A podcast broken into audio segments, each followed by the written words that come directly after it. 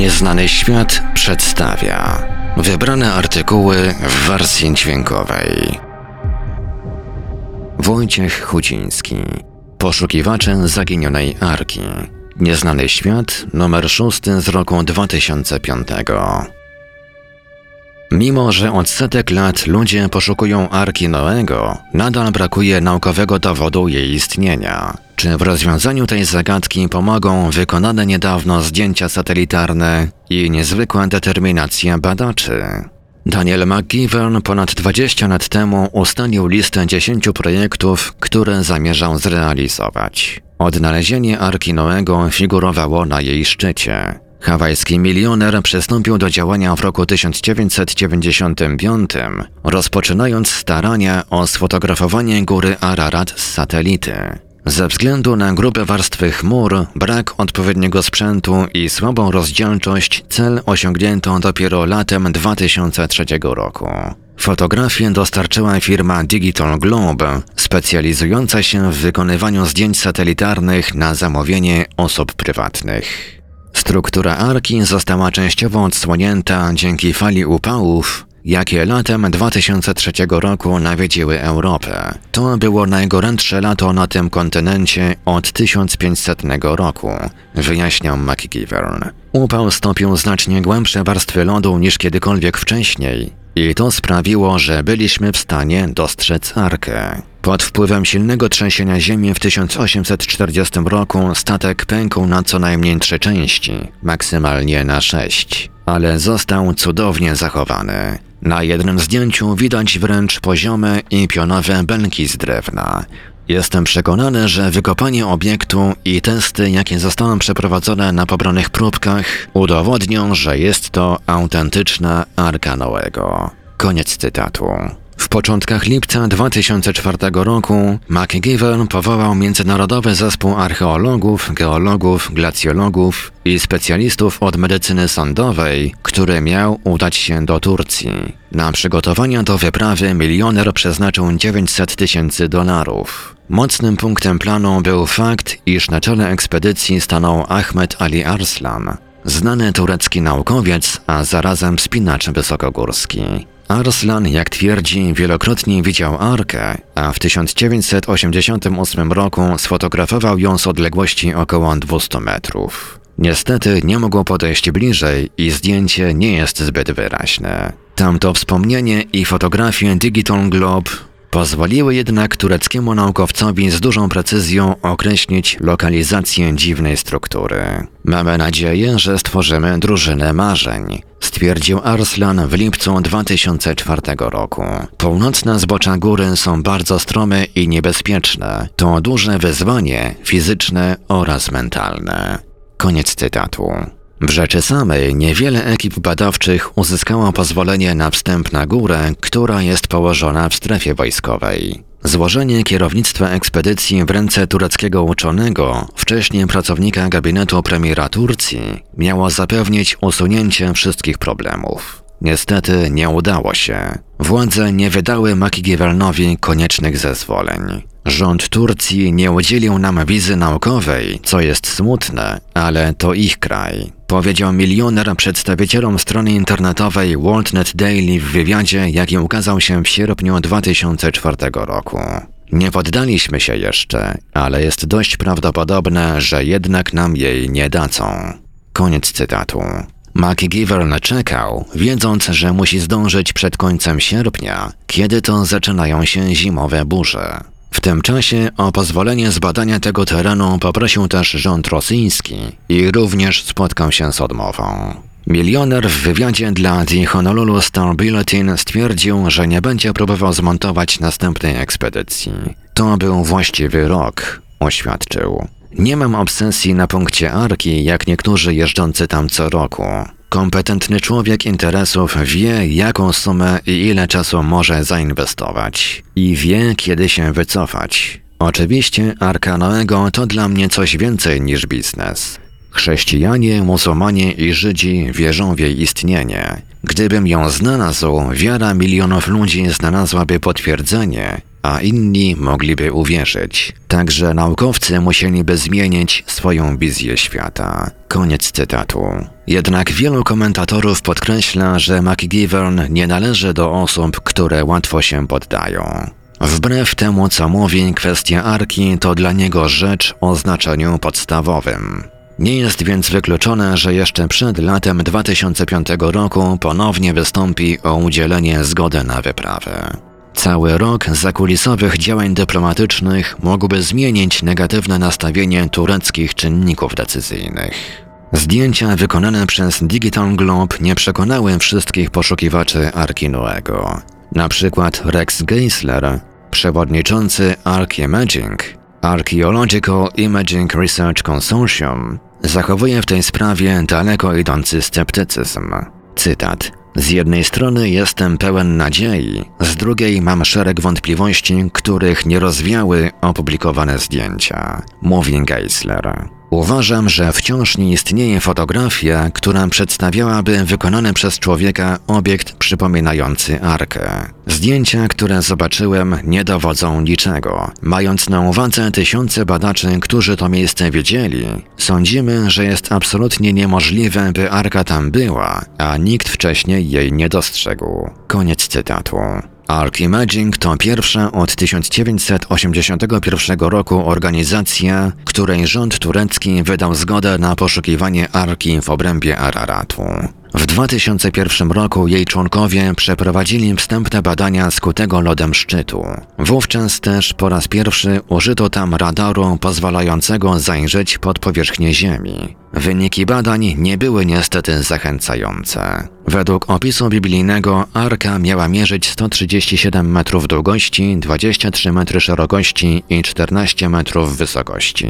Świadectw dotyczących statku Noego, jakie pojawiły się w historii, nie da się zliczyć. Na ogół świadkowie opisywali starą konstrukcję z drewna, wystającą spod śniegu i lodu blisko szczytu góry Ararat.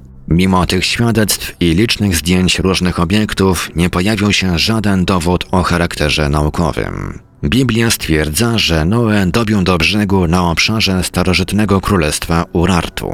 Góra Ararat to prawdopodobnie zniekształcona nazwa Urartu, była celem poszukiwaczy Arki dlatego, że jest najwyżej położonym miejscem w tym regionie.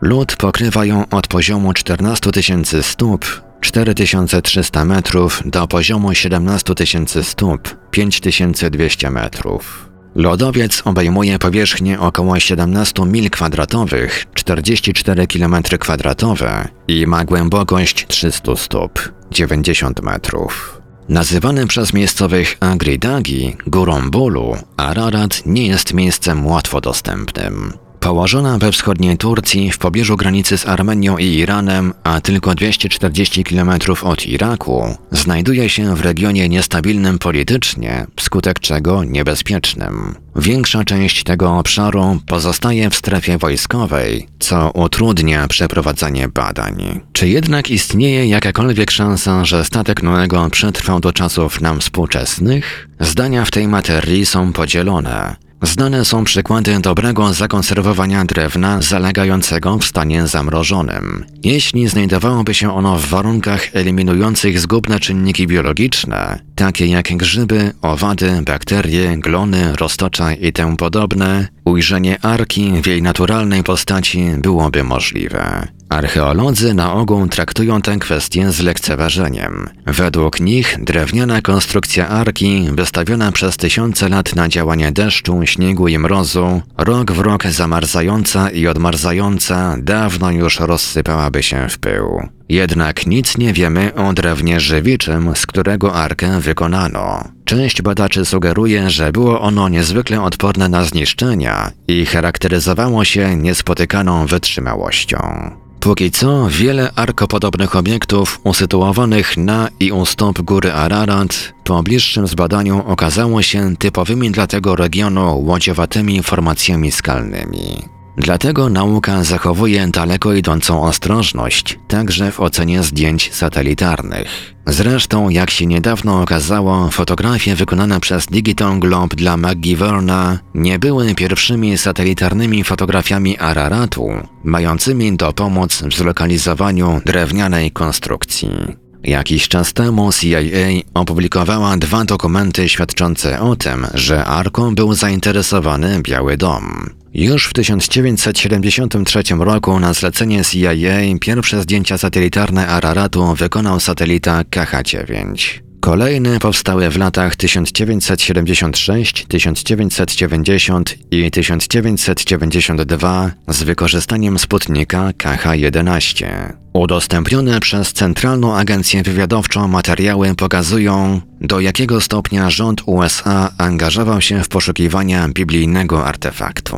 Na przykład sporządzona w 1995 roku notatka dotyczy rozmowy jednego z agentów CIA z Johnem Hanfordem, wtedy członkiem ekipy senatora Richarda Lugara. Hanford wspomina o spotkaniu w Białym Domu, które odbyło się w trakcie kadencji George'a Busha, a podczas którego Robert Gates, ówczesny szef Agencji Bezpieczeństwa Narodowego, pokazał zdjęcia satelitarne Araratu. Cytat. Pan Hanford powiedział, że pokazywały one coś wystającego z lodowca i śniegu, ale mogło to być prawie wszystko, stwierdził agent. Wspomniana notatka została sporządzona po ukazaniu się artykułu, w którym sugerowano, że zdjęcia przedstawiające Ararat winny zostać upublicznione zgodnie z decyzją o udostępnieniu dokumentów historycznych wydaną przez prezydenta Clintona. Agent konstatował, że zdjęcie góry Ararat może, ale nie musi być zaliczone do tego typu materiałów. Drugi dokument dotyczy spisu materiałów traktujących o górze Ararat, dokonanego przez tę samą administrację pomiędzy rokiem 1990 a 1992. Ówczesny szef CIA James Woolsey zadał pytanie o ewentualny koszt gruntownego przebadania dokumentów. Okazał się on zbyt wysoki. Woolsey usłyszał, że przeprowadzenie koniecznych analiz zajęłoby 6 miesięcy i zrezygnował z projektu. Przed Digital Globe na zlecenie periodyku Inside Magazine satelitarne zdjęcia góry Ararat wykonała firma Space Imaging. Wówczas z wykorzystaniem satelity Iconos sfotografowano dziwny obiekt zlokalizowany w Turcji na 39 stopniu 42 minucie szerokości północnej i 44 stopniu 16 minucie długości wschodniej. W rezultacie tych działań czytelnicy magazynu mogli obejrzeć pierwsze, charakteryzujące się dobrą rozdzielczością zdjęcie czegoś, co przez niektórych było uważane za Arkę Noego. Insight powołał zespół naukowców i inżynierów, którzy mieli przeanalizować zdjęcia i odpowiedzieć na pytanie, czy rzeczony obiekt jest, czy też nie jest skałą. Czterech ekspertów oświadczyło, że został on wykonany przez człowieka, dwóch, że jest skałą, a jeden uznał, że rozstrzygnięcie nie jest możliwe. Insight nadal poszukuje materiałów na temat Arki, ale większość dokumentów rządowych dotyczących zdjęć świętego statku pozostaje nieosiągalna. Podobno CIA planuje udostępnić tysiące zdjęć satelitarnych w internecie, lecz nie wiadomo, czy znajdą się wśród nich fotografie Araratu. Arkę Noego lokalizowano również w innym miejscu, w rejonie nazywanym Duropinar, leżącym około 28 km na południe od góry Ararat. W latach 1977-1984 archeolog amator, nieżyjący już Ronald E. Wyatt, za przyzwoleniem rządu tureckiego odwiedzał te strony kilkakrotnie. Towarzyszyli mu liczni badacze, a wśród nich znany specjalista od katastrof morskich David Fassold. Obrys kamiennego statku po raz pierwszy zaobserwowano w 1959 roku podczas rutynowych pomiarów terenu prowadzonych przez tureckie lotnictwo wojskowe. Interesującą formację skalną liczącą sobie 157 metrów długości odnaleziono na wysokości około 2000 metrów. Z pewnego oddalenia kształtem faktycznie przypomina ona statek. W roku 1960 armia turecka umieściła na ścianie arki ładunki dynamitu. Nie odkryto żadnych wewnętrznych pomieszczeń ani belek. Wszystko, co odnaleziono, to kilka kawałków zbutwiałego drewna. Jednak Wyatt oświadczył, że wszedł w posiadanie wielu dowodów na to, że obiekt w Duropinar to prawdziwa Arka Noego. Są to m.in. metalowa klamra oraz bryła skalna, skamieniały kawałek drewna. Artefakty te przewieziono do USA, gdzie zostały poddane badaniom. Próbki gleby w miejscu, gdzie ma się mieścić arka, wykazują większą zawartość organicznych związków węgla niż pobrane w pewnej odległości od statku. Mogłoby to dowodzić, że wewnątrz arki wciąż znajdują się skamieniałe resztki drewna. W 1984 roku Wyatt przemycił około 8,6 ton kamieni, piasku i ziemi z obszaru Duropinar do Nowego Jorku na wystawę poświęconą poszukiwaniom Arki. Czyn ten spotkał się z krytyką i oburzeniem ze strony tureckiego rządu i na wiele lat zamknął dostęp na górę innym ekspedycjom.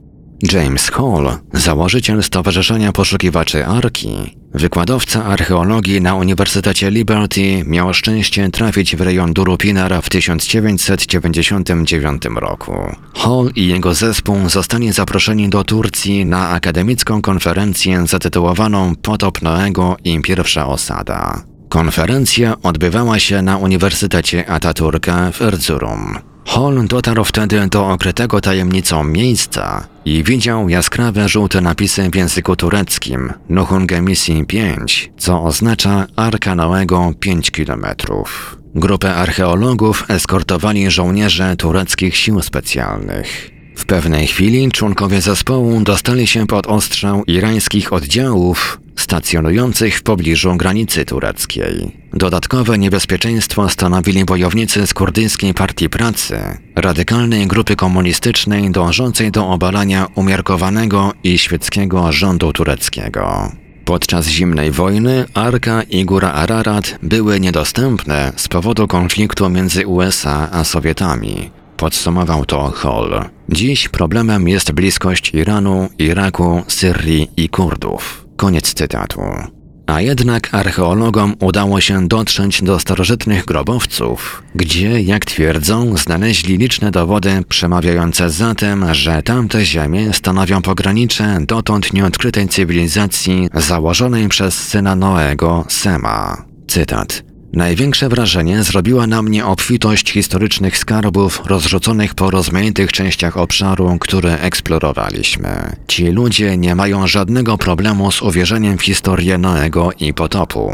Dowiedzenie istnienia takiego archeologicznego i religijnego obiektu jak Arka miałoby najwyższą naukową i edukacyjną wartość dla obywateli USA i całego świata, dodaje Hall. Członek Stowarzyszenia Poszukiwaczy Arki, Mark Jenkin, wierzy, że odrodzenie islamu wśród umiarkowanych sunnitów tureckich, pozostających w opozycji do bardziej radykalnych szyitów irańskich, skłoniło rząd Turcji oraz organizacje wojskowe i naukowe do kontynuowania poszukiwań Arki Noego, z tym, że dzieje się to bez zbędnego szumu. Dodajmy, że w połowie lat 90. na temat Duropinar wypowiedzieli się wreszcie tureccy naukowcy. W 1994 roku Salih Bayraktutan, szef Wydziału Geologii na Uniwersytecie Atatürka stwierdził, cytat, to wytwór człowieka i z pewnością jest to Arka Noego. Koniec cytatu. Władze były do tego stopnia przeświadczone o autentyczności odkrycia, że w rejonie Duropinar utworzyły archeologiczny park narodowy co dla współczesnego świata oznaczałby dostarczony przez archeologów naukowy dowód na istnienie arki. Czy skłoniłby ludzi do zrewidowania niektórych przekonań na temat stworzenia, Boga, Biblii? Czy też zostałby przyjęty jedynie jako ciekawostka? Swego rodzaju epizod u progu sekularyzowanego XXI wieku. Jeśli Daniel McGivern nie zrezygnuje z ekspedycji, być może już latem tego roku uda się poznać odpowiedzi na te pytania. Zamieszkujący podróże Araratu Kurdowie twierdzą, że Arka spoczywa na górze smutku i bólu i nie powinna być wystawiona na widok ludzkich oczu, bo byłoby to świętokradztwo. Do świętego statku mogą dotrzeć tylko ci, którzy mają duszę czystą jak u dziecka i są bez grzechu. Może więc nie znalazł się jeszcze godny odkrywca biblijnego artefaktu. Czy zostanie nim hawajski milioner, przekonamy się wkrótce. Chronologia odkryć. W pierwszym stuleciu naszej ery o Arce Noego pisał Mikołaj z Damaszku, twierdząc, że jej drewniane elementy wciąż można oglądać w Armenii. Żydowski historyk Józef Flawiusz, urodzony w 37 roku naszej ery, w pracy pod tytułem Dawne dzieje Izraela relacjonował swoje spotkanie z ludźmi, którzy na własne oczy oglądali święty statek. W 318 roku święty Jakub modlił się na górze Ararat, po czym zasnął, a po przebudzeniu odnalazł kawałek drewna, jak uznał, zesłany mu przez Boga. Marco Polo urodził się w 1254 roku jako syn weneckiego kupca. W 1271 roku razem z ojcem udał się na wyprawę do Chin. Przez następne 20 lat podróżował w służbie Kubilaj Hana. Marko został pojmany w czasie bitwy morskiej między Wenecją i Genuą. Osadzony w więzieniu zdał relację ze swej podróży towarzyszowi Niedoli, znanemu jako Rusticello Spisy. Razem napisali Opisanie świata, dzieło spostrzegawczego kupca i profesjonalnego pisarza. Marco Polo zmarł w 1324 roku. Oto cytat z jego książki dotyczący Arki Noego. W sercu Wielkiej Armenii wznosi się bardzo wysoka góra w kształcie pucharu, na której, jak mówią, osiadła Arka Noego i którą nazywa się Górą Arki Noego. Jest ona tak szeroka i wysoka, że trzeba by ponad dwóch dni, by obejść ją dookoła. Przez cały rok śnieg na jej szczycie jest na tyle głęboki, że nikt nie zdołał go zdobyć. Nigdy nie topnieje całkowicie, a nowy spada na stary, przez co góra wciąż rośnie. Koniec cytatu. George Hagopian utrzymywał, że jako dziecko chodził po belkach Arki Noego razem ze swoim wujem. Fragment, który cytujemy, pochodzi z książki Charlesa Berlica Zagubiony statek Noego. Cytat. Był rok 1908, a on miał 8 lat. Według innych relacji chodziło o rok 1905, gdy jego wuj zabrał go na Ararat za wąwozem Achora, odwiedzając po drodze grobowiec Jakuba. Kiedy droga stawała się bardzo stroma, mężczyzna niósł go na ramionach, aż dotarli do czegoś, co wyglądało jak wielki statek oparty o występ skalny, częściowo przykryty śniegiem. Hagopian pomyślał najpierw, że to dom z drewna, lecz wuj pokazał mu kształt konstrukcji oraz deski. Wówczas pojął, że stoi przed arką, doskonale pasującą do opisów, które słyszał z ust różnych ludzi. Wuj podniósł go tak, by mógł dotknąć dachu statku i nakazał mu, by się nie bał. To przecież święty statek, stwierdził uspokajająco. Hagopian wspiął się na dach i uklęknął, by ucałować jego powierzchnię. Była gładka i bez trudu utrzymywał na niej równowagę. Kiedy znów stanęli obok arki, wuj wystrzelił w jej kierunku kilka pocisków, ale odbiły się od powierzchni statku, jakby był z kamienia. Potem próbował odciąć kawałek drewna ostrym nożem, lecz i to nie dało rezultatu. Podczas tej wyprawy na oględzinach tajemniczej konstrukcji spędzili dwie godziny. Wreszcie Hagopian wrócił do miasteczka i opowiedział o swoim przygodzie innym chłopcom. W odpowiedzi usłyszał: Wiemy o czym mówisz. My też widzieliśmy arkę. Koniec cytatu. Według opowieści George'a Hagopiana, statek był zbity gwoździami i przypominał płaskodenną barkę. Na jego dachu znajdowało się 50 otworów, przez które dochodziło powietrze, a całość była zbudowana z czerwonawą brązowego drewna. Hagopian zmarł w 1972 roku. Ponieważ nie potrafił czytać mapy, nie mogą wskazać miejsca, w które zaprowadził go wuj. Jakkolwiek pomyślnie przeszedł próbę na wykrywaczu kłamstw, z braku innych potwierdzających to zdarzenie relacji, jego świadectwo nie mogło zostać uznane za dowód ostateczny. W czasie I wojny światowej, latem 1916 roku, pułkownik Włodzimierz Roskowicki z rosyjskich carskich sił wojskowych, lecąc na dużej wysokości i wypatrując ruchów tureckich oddziałów, zauważył skute lodem jezioro górskie na jednym ze zboczy góry Ararat. Gdy podleciał bliżej, ujrzał na wpół zatopiony kadłub statku, dwa potężne maszty i płaski pomost biegnący wzdłuż burty. Roskowicki opowiadał później w wywiadzie dla New Eden Magazine, cytat Spojrzałem w dół i nieomal zemdlałem. Łódź. Jej pokład był zaokrąglony, a płaska nadbudówka o wysokości pół metra ciągnęła się przez całą długość. Dziwny statek zaprojektowany do pływania po morzu niczym pień, zbudowany tak, jakby jego budowniczy oczekiwał, że fale będą się nad nim często przetaczać. Przelecieliśmy kilka razy tak nisko, jak tylko mogliśmy bez ryzyka, zdumieni ogromnymi rozmiarami statku, który był tak długi, że mógłby się zmierzyć z niektórymi współczesnymi okrętami wojennymi. Stał przy brzegu jeziorka, jedna czwarta część od tyłu zanurzona w wodzie. Po jednej stronie był kwadratowy otwór na drzwi o bokach około 7 metrów, ale drzwi nie było. Wydawało się to osobliwe, gdyż nawet dzisiejsze statki rzadko mają drzwi, choćby połowy tej wielkości. Koniec cytatu. Kiedy Roskowicki opowiedział o swoim przygodzie kapitanowi, ten natychmiast kazał zabrać się na tamto miejsce.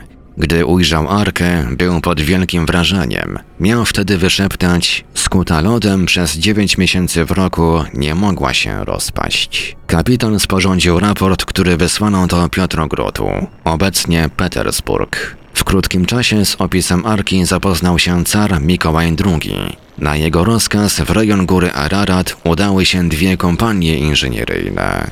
Grupy, z których jedna liczyła 50, a druga 100 osób, zaatakowały górę z dwóch stron. Trzeba było dwóch tygodni charówki, by wyrąbać szlak przez niższe partie wzniesienia. Żołnierze dotarli do Arki po miesiącu.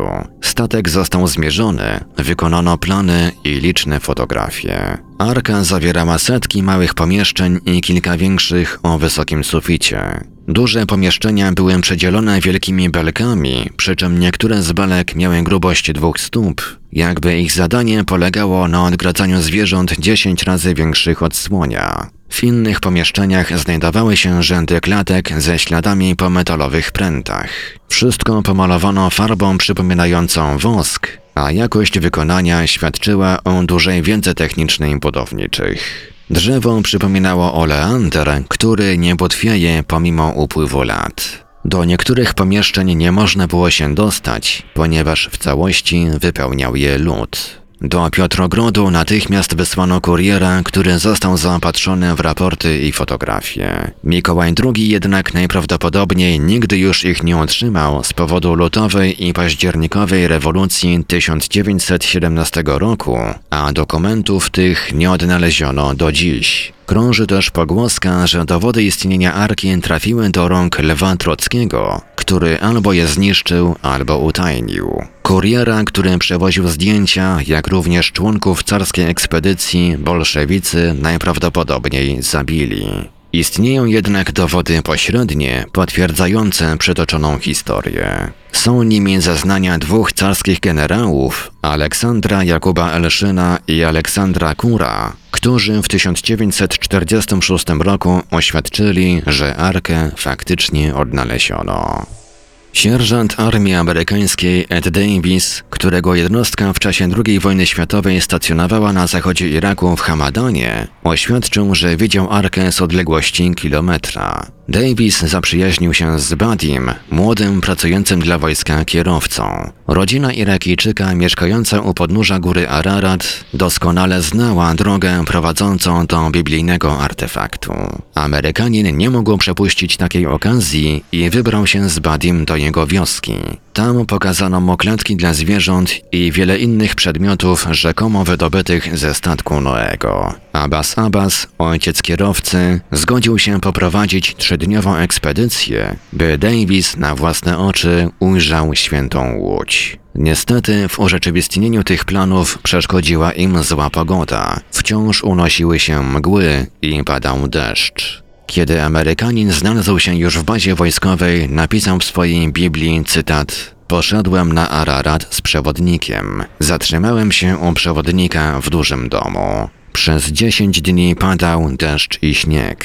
Przebywałem w miejscowości Tarharan, zaopatrzyłem się w żywność, ogrzałem i odpocząłem. Zmieniłem też odzież. Porucznik Bird ucieszył się, że wróciłem. Bał się o mnie. Przypuszczał, iż obawiał się, że zginę. Cieszę się, że poszedłem. Myślę, że to Arka. Abbas Abbas ma stamtąd wiele rzeczy. Nogi już prawie przestały mnie boleć po jeździe konnej. Koniec cytatu. Po powrocie do USA Ed Davis poddał się badaniom na wykrywaczu kłamstw.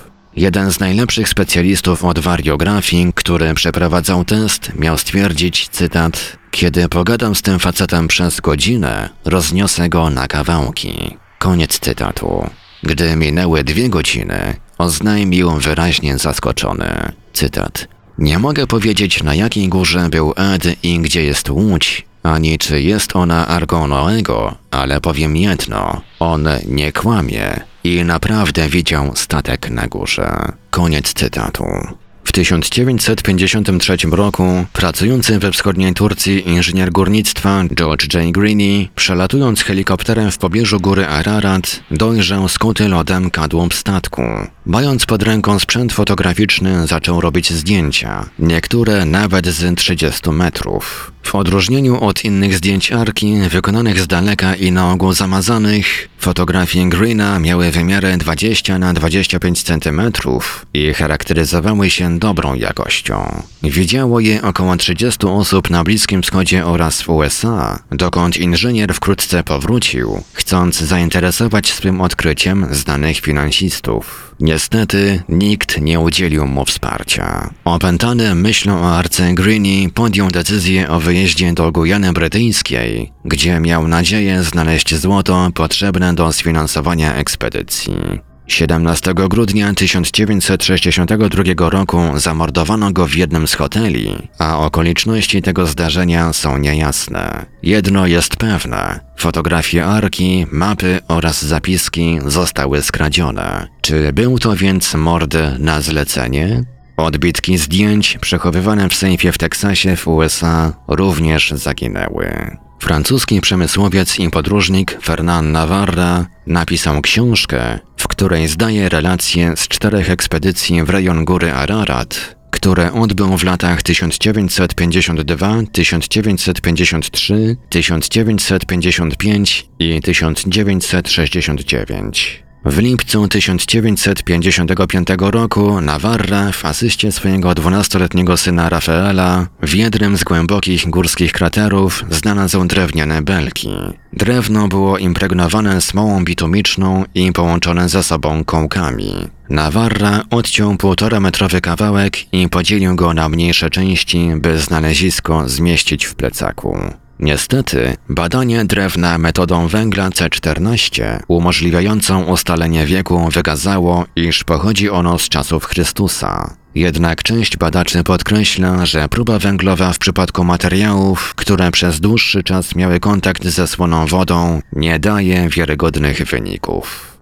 Późną wiosną 1959 roku pilot z 428 eskadry taktycznej podlegającej NATO obozującej w Adanie w Turcji odbywał lot zwiadowczy.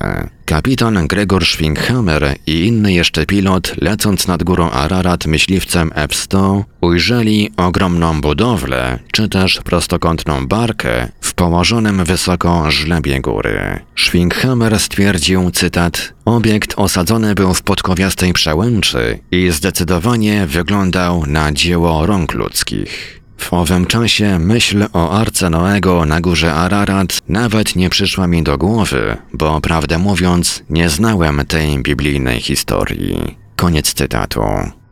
W 1999 roku odkrywca wraku Titanica, oceanograf Robert Ballard, zorganizował wyprawę, której zadaniem było znalezienie śladów potopu w akwenie Morza Czarnego. Około 160 metrów poniżej powierzchni wody badacze zidentyfikowali fragmenty brzegu dawnego jeziora. Natrafiono tam na liczne muszelki słodkowodnych żyjątek. W innym miejscu, na głębokości około 100 metrów, Ballard odnalazł pozostałości ludzkiego osiedla. Z analizy rzeźby dna morskiego wynikało, że zatopiona osada była zlokalizowana u zbiegu dwóch dolin rzecznych. Do dziś zachowały się po niej fragmenty ścian i murów, belki stropowe, kamienne narzędzia oraz wysypisko śmieci. Ballard stwierdził, cytat, wszystko stało się oczywiste. Tysiące lat temu był to gęsto zaludniony ląd. Nie wiemy jednak, kim byli mieszkańcy zatopionych terenów i co się z nimi stało podczas potopu. Czy rzeczywiście, jak mówi legenda, zbudowali oni statki i wraz z dobytkiem odpłynęli w poszukiwaniu bezpiecznego azylu? Koniec cytatu. Kolejne próby mające na celu odnalezienie arki podejmowali w latach 70. i 80.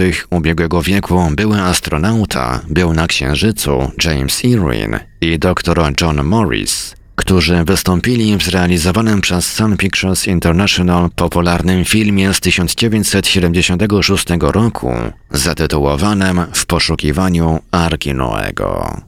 Październiku 2003 roku o odnalezieniu Arki Noego poinformował Andrzej Poliakow, kierujący rosyjską ekspedycją w rejon góry Ararat. Jestem przekonany, że Arka tam jest, stwierdził Poliakow. Na dowód mamy taśmę wideo, na której widać drewnianą łódź. O tym, że jest to łódź, są przekonani wszyscy członkowie naszej ekipy. Koniec cytatu. Badania rosyjskich archeologów koncentrowały się na obiekcie o kształcie barki, położonym na południe od szczytu Ararat. To jeden z trzech o takim kształcie w tym regionie. Co ciekawe, Poliakow podkreślił, że jeżeli jego ekipa faktycznie natrafiła na statek Noego, powinien on pozostać tam, gdzie był dotychczas. Cytat. Ta góra żyje. To wulkan. Wielokrotnie słyszeliśmy jego pomruki, dlatego nie powinniśmy jej niepokoić. Zresztą wystarczy wspomnieć miejscowe legendy. Wszystkie mówią, że nie wolno naruszać spokoju świętego statku. Można oglądać filmy dokumentalne, oceniać przedstawiane dowody, jednak nie mamy prawa niepokoić góry ani arki. Koniec cytatu. Rosyjscy naukowcy zapowiadają kolejne ekspedycje w rejon Araratu, mimo że jest to okolica niezwykle niebezpieczna, zamieszkana głównie przez Kurdów. Na koniec kilka słów o budowniczym Arki. Noe, z języka hebrajskiego pocieszyciel, syn Lameka, razem z rodziną i zwierzętami uratował się, budując arkę według wskazówek Boga. Starotestamentowa opowieść o potopie rozpoczyna się od słów Kiedy zaś Pan widział, że wielka jest niegodziwość ludzi na ziemi i że usposobienie ich jest wciąż złe, żałował, że stworzył ludzi. Koniec cytatu. Jedyną osobą, która cieszyła się życzliwością Pana był Noe, i on też został wybrany na budowniczego statku. Bóg zawiera z nim przymierze, w wyniku czego Noe ratuje życie swoje, swojej rodziny i wybranych zwierząt, po parze z każdego gatunku.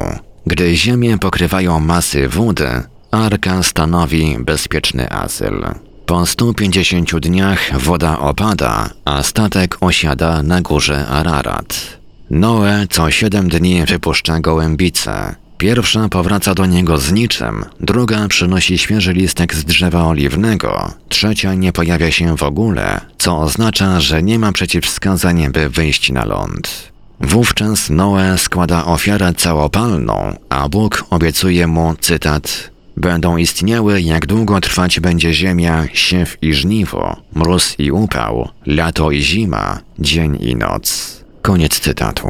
Prawdopodobnie opowieść ta została oparta na babilońskim eposie o Gilgameszu, gdzie jeden z bohaterów, Utnapishtim, także znajduje ratunek w arce. Identyczną historię można znaleźć w mitach greckich. Syn Prometeusza, Deukalion, jest unoszony przez falę potopu, a po dziewięciu dniach ląduje na szczycie góry Parnas. Motyw budowania arki jest obecny w mitach wielu ludów. Na Syberii, u Indian Hopi, u Maurysów z Nowej Zelandii, w opowieściach hawajskich itd. Tak Malowidła ścienne, przedstawiające zatłoczony statek, odnaleziono w tak odległych punktach świata jak Egipt, Hiszpania, Skandynawia i Kalifornia. Przyjmuje się, że słowo arka pochodzi od łacińskiego arka, skrzynia, albo od hinduskiego arga, sierp lub łuk koła. W związku z tym ciekawą teorię wysunęła propagatorka psychologii analitycznej Esther Harding. Uważa ona, że statek Noego to łódź księżycowa, symbolizująca przekraczanie granicy dwóch światów. W mitologii podobną rolę spełnia łódź Charona, przewożąca duszę na drugi brzeg Styksu. W tym ujęciu Noe to de facto Nuła, babilońska bogini księżyca, a mit opowiada o traumatycznych doznaniach osób, które w życiu przechodzą znaczący przełom. Autor Wojciech Chudziński. Nieznany świat. Numer szósty z roku 2005 Czytał Ivelios Czytaj Nieznany Świat, najstarszy polski miesięcznik poświęcony tematyce nieznanego. www.nieznanyświat.pl Dostępne również wygodne wydanie elektroniczne. www.nieznanyświat.pl A jeżeli masz profil na Facebooku, gorąco zachęcamy do dołączenia do grupy Czytelnicy Nieznanego Świata. Zachęcamy także do zasubskrybowania kanału miesięcznika w serwisie YouTube.